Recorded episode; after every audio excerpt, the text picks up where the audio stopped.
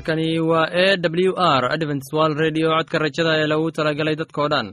Anigoo ah cabdi waxaan idin leeyahay dhegeysi wanaagsan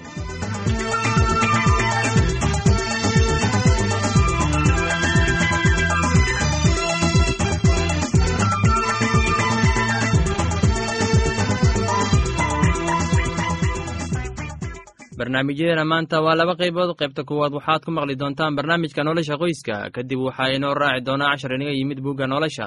Dhegeystayaasheenna qiimaha iyo qadarinta mudano waxaan filayaa inaad si habboon u dhegeysan doontaan. Haddaba haddii aad qabto wax su'aal ama talo iyo tusaale oo ku saabsan barnaamijyadeena maanta fadlan inala soo xiriir. Dib ayaynu kaga sheegi doonaa ciwaanka yagu balse intaynan u guuda gelin barnaamijyadeena xiisaa leh. Waxaad marka hore ku soo dhowaataan. Heestan daabacsan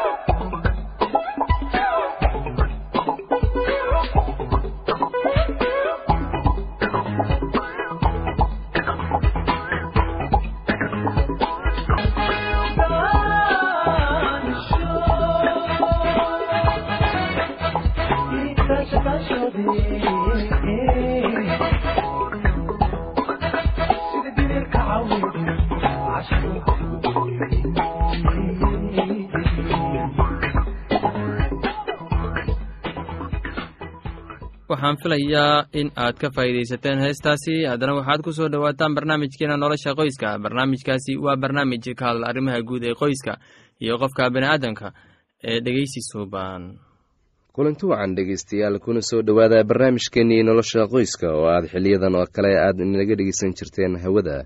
Weli waxaynu ku sii jirnaa mowduucii aynu kaga hadlaynay nadaafadda guriga. Anigoo ah cabdi waxaan idin leeyahay dhegeysi wacan haddaba waxaa jirtay haweeney shamse la yidhaahdo oo mar walba ahayd mid caraysan oo si joogto ah reerka ugu qaylin jirtay. Gurigu wuxuu ahaa mid isku dhex yaacsan oo jaakadda ama dharka iyo joornaalada ay kuraasta saaran yihiin. Buwaagta iyo waxyaabaha kalena kulli ay miiska wada saaran yihiin. Alaabta carruurta ku ciyaartana ay meel walba yaalaan waxay dareentay in shay walba uu ahaado mid nidaamsan laakiin durba waxay ogaatay in gurigu yahay habsimida iyo nolosha farxadda qoyska. Maalin walba aynu nadaafad ku bilowna annagoo maalin walba guriga nadiifinayna nadiifinta guriga ee habeenkii waa mid dhaqan fiican ah inta aan la seexan ka hor laakiin nadiifinta aroortii ayaa ka sii fiican gaar ahaan marka la quraacdo kadib.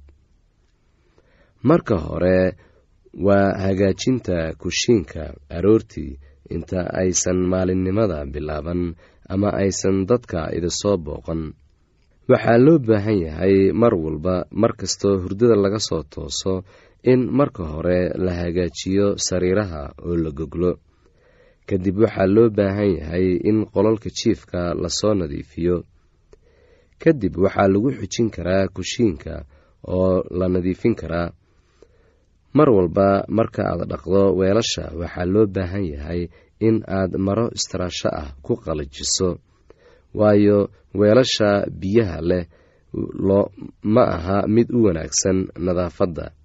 Waxaa loo baahan yahay weel walba markaad dhaqdo in uu ahaado mid qalalan. Miiska waxaa loo baahan yahay in la tirtiro. Weelasha oo dhanna la wada dhaqo cuntada soo hartayna waxaa loo baahan yahay in lagu daro meelaha wasaqda loogu talagalay. Subax walba marka aad bilowdo nadaafadda daaqadda dhowr daqiiqadood fur oo hawada ha soo gasho waxaana loo baahan yahay in guriga dhammaan daaqadihiisa la wada ballaqo si qoraxda iyo hawada ay guriga u soo galaan. Haddaba gurigu wuxuu leeyahay sida caadada ah addoore u gooni ah ama shiir u gooni ah kaasna waxaa ka baabi'in karaa marka albaabada la furo. Matalan raashinka lagu kariyo kushiinka ayaa waxay gurigoo dhan ku yeelan kartaa saameyn taana waxaa looga bixi karaa in guriga daaqadaha loo furo. Sidoo kale waxaa loo baahan yahay in guriga laga buufiyo xasharaadka baranbarada iyo duqsigaba. Haddaba waxaad u dhaqaaqdaa qolalka kale ee ay ka mid yihiin sida fadhiga ama qolalka wax lagu akhristo. Had iyo goor waxaa loo baahan yahay alaabada in meel walba meel walba oo laga keenay alaabtaasi in lagu celiyo. Haddii ay tahay buwaag la akhrisanayey waa in lagu celiyaa shalafkii laga soo qaaday.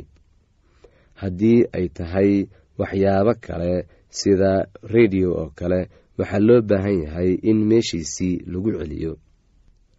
Haddaba haddii shay walba lagu celiyo meeshii laga soo qaaday gurigu wuxuu noqonayaa mid nidaamsan oo habboon. Waxyaabaha ugu daran waxaa ka mid ah marka hawsha guriga ay isbiirsato waxaa la hubaa in hawsha guriga haddii ay isbiirsadaan ay noqonayaan howl badan. Taana waxay sababi kartaa in qofka guriga hagaajinaya uu wahsado. Waxaa sidoo kale loo baahan yahay in qof walba uu xil iska saaro nadaafadda guud ee guriga. Waa in carruurta la baraa sidii aysan u halayn lahayn guriga sida haddii ay noqoto ku qoridda derbiyada. Waxaan ognahay in carruur badani ay ku qoraan derbiyada ayagoo qalin ku qoraya ama qad. Waxaa loo baahan yahay in carruurta loo sheego oo mar walba laga dhaadhiciyo muhiimadda ay leedahay nadaafadda guriga. Sidoo kale waxaad arkaysaa in dad badani ay qashinka guriga hortiisa dhigaan ama meelaha dariiqa ah ee la marayo ama waxaad arkaysaa in marka ay dhaqayaan dharka wasaqda ka soo hartay ay mararka qaarkood dabaqyada ka soo daadiyaan. Waxaana taa dhici kartaa in dad kale oo dariiqa maraya in biyihii wasaqda ah ay gaaraan. Haddaba waxaa loo baahan yahay in qof walba oo reerka ka tirsan la baro nadaafadda guud ee guriga iyo xaqdhowrista deriska. Waa in laga shaqeeyaa dhiraynta guriga sida ubaxa oo kale oo lagu talaalo guriga hortiisa iyo dhirta oo la waraabiyo.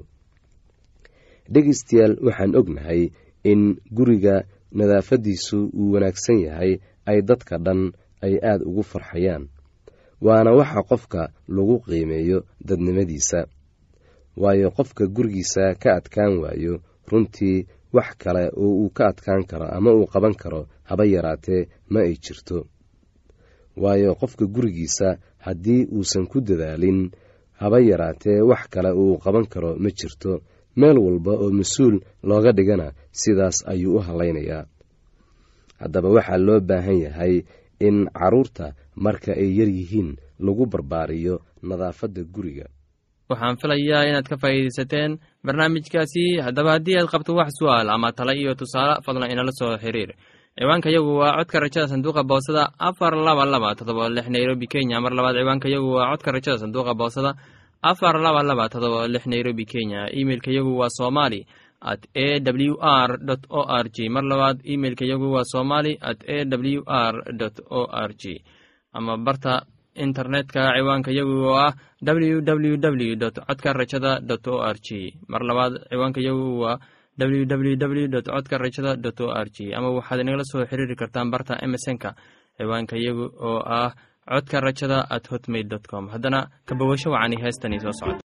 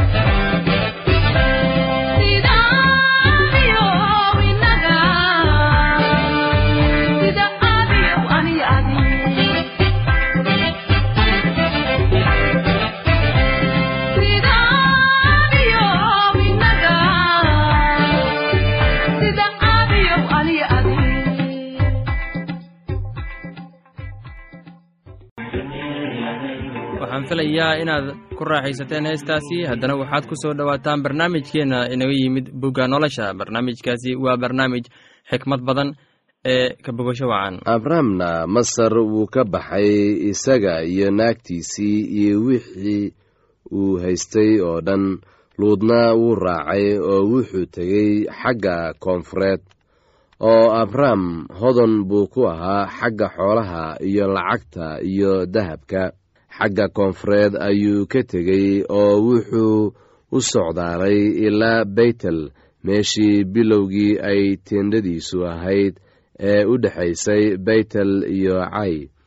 Ilaa meeshii allabariga oo uu horaantiisii halkaas ka sameeyey oo meeshaasuu abram magaca rabbiga kaga baryootamay oo luud oo isna abram la socday wuxuu lahaa ari iyo lo iyo teendhooyin.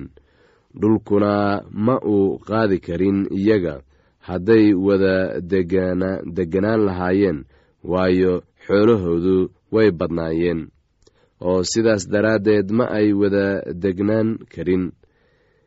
Dibir baana ku dhex jiray xoolojirada ibraahim iyo xoolojiradii luud markaasna reer kancaan iyo reer feris dhulkaasay degganaayeen. Oo abraham wuxuu luud ku yidhi waxaan kaa baryayaa inaad diriru inagu dhex dhicin aniga iyo adiga iyo xoolojirahayga iyo xoolojirahaaga maxaa yeelay waxaynu nahay walaalo. Dhulka oo dhammu sow kama horeeyo waxaan kaa baryayaa inaad iga guurtid. Haddaad bidixda tagto midigtan tegayaa. Haddaad midigta tagtana bidixdan tegayaa. Kolkaasuu luud indhihiisii kor u taagay oo wuxuu arkay bannaankii webi urdun oo dhan iyo inay meel walbu aad u waraabsan tahay intaan rabbigu baabi'in sodom iyo gomorra. Wuxuu u eekaa beertii ilaah iyo sida dalka masar markaad tagto xagga socar. Markaasuu luud wuxuu doortay bannaankii urdun oo dhan oo luud xagga bari buu u socdaalay oo way kala guureen. Amramna wuxuu degay dalkii kancaan luudna wuxuu degay magaalooyinkii bannaanka ku yiil oo teendhadiisii wuxuu u wareejiyey xagga sodom haddaba dadkii sodom shar miiran bay ahaayeen. Ilaahna aad iyo aad bay ugu dembaabeen oo rabbigu wuxuu abrahm ku yidhi intii luud ka guurtay kadib indhahaaga kor u taag oo meeshaad joogto ka fiiri xagga waqooyi iyo xagga koonfureed iyo xagga bari iyo xagga galbeedba waayo dhulka aad aragto oo dhan waxaan siin doonaa adiga iyo farcankaaga weligiin farcankaagana waxaan ka dhigi doonaa sida ciidda dhulka. Haddii nin ciidda dhulka tirin karo farcankaaga waa la tirin doonaa. Balkac oo ku dhex soco dhulka dherarkiisa iyo ballaarkiisa waayo adigan ku siin doonaa oo abraham teendhadiisii wuu wareejiyey oo wuxuu yimid oo degay dhirtii mamre ee ku tiil xebroon oo halkaasuu rabbiga meel alabari uga dhisay. Oo waxaa dhacday waagii amrafel boqorka u ahaa shincaar aryoka boqor u ahaa elasaar keder lacomer boqor u ahaa ceelam tidcaadna boqor u ahaa goyim inay la dirireen berac oo boqor u ahaa sodom iyo birshac oo boqor u ahaa gomora iyo shinaab oo boqor u ahaa admah iyo shemeber oo boqor u ahaa sebooyin iyo boqorkii belac oo iyana ahayd socor. Kuwanu waxay kulligood isugu yimaadeen dooxo sidim oo iyana ahayd baddii cusbada. Labada iyo toban sannadood bay koder comer u deganaayeen markaasay sannaddii saddex iyo tobnaad ku caasiyoobeen. Sannaddii afar iyo tobnaadna waxay yimaadeen koder lacomer iyo boqoradii la jiray oo waxay reer rafa'iim ku dileen cashterod qaryinim oo reer susima waxay ku dileen ham iyo reer eymina waxay ku dileen shaaweh kiryatim reer xorna waxay ku dileen buurtoodii sicir iyo ilaa afleyram oo u dhoweyd cidlada oo way soo noqdeen oo waxay yimaadeen cayn mishraaf oo iyana ahayd kaadesh oo waxay dileen dadkii dalkii reer cameelah oo dhan waxaa kale oo ay dileen reer omer oo degganaa hasham tamar. Heestaasi iyo casharka buugga nolosha ayaanu ku soo gabgabayneynaa barnaamijyadeena maanta. Halkaad inaga dhegeysanaysaan waa laanta afka soomaaliga ee codka rajada ee loogu talagelay dadka oo dhan.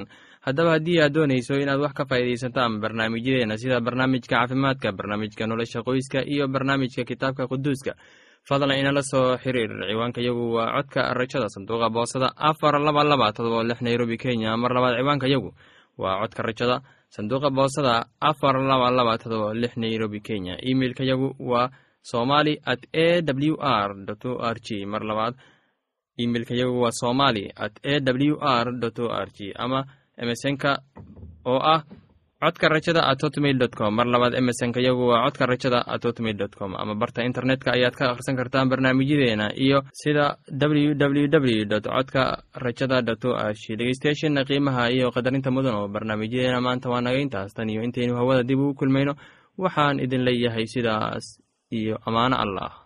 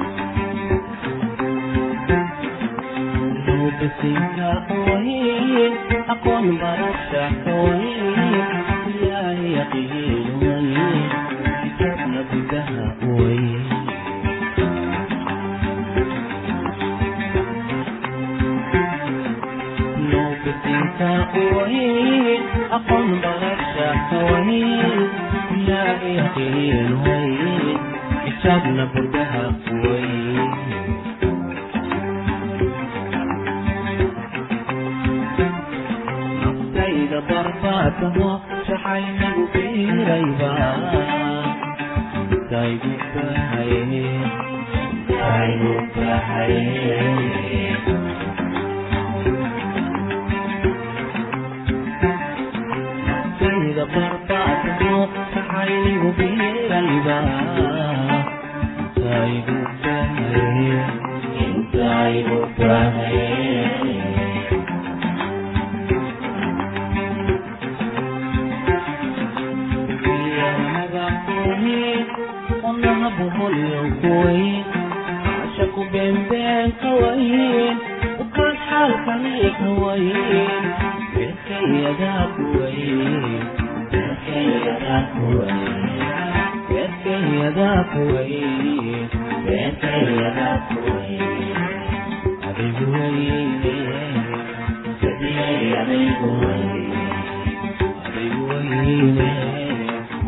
ربي هديت غيري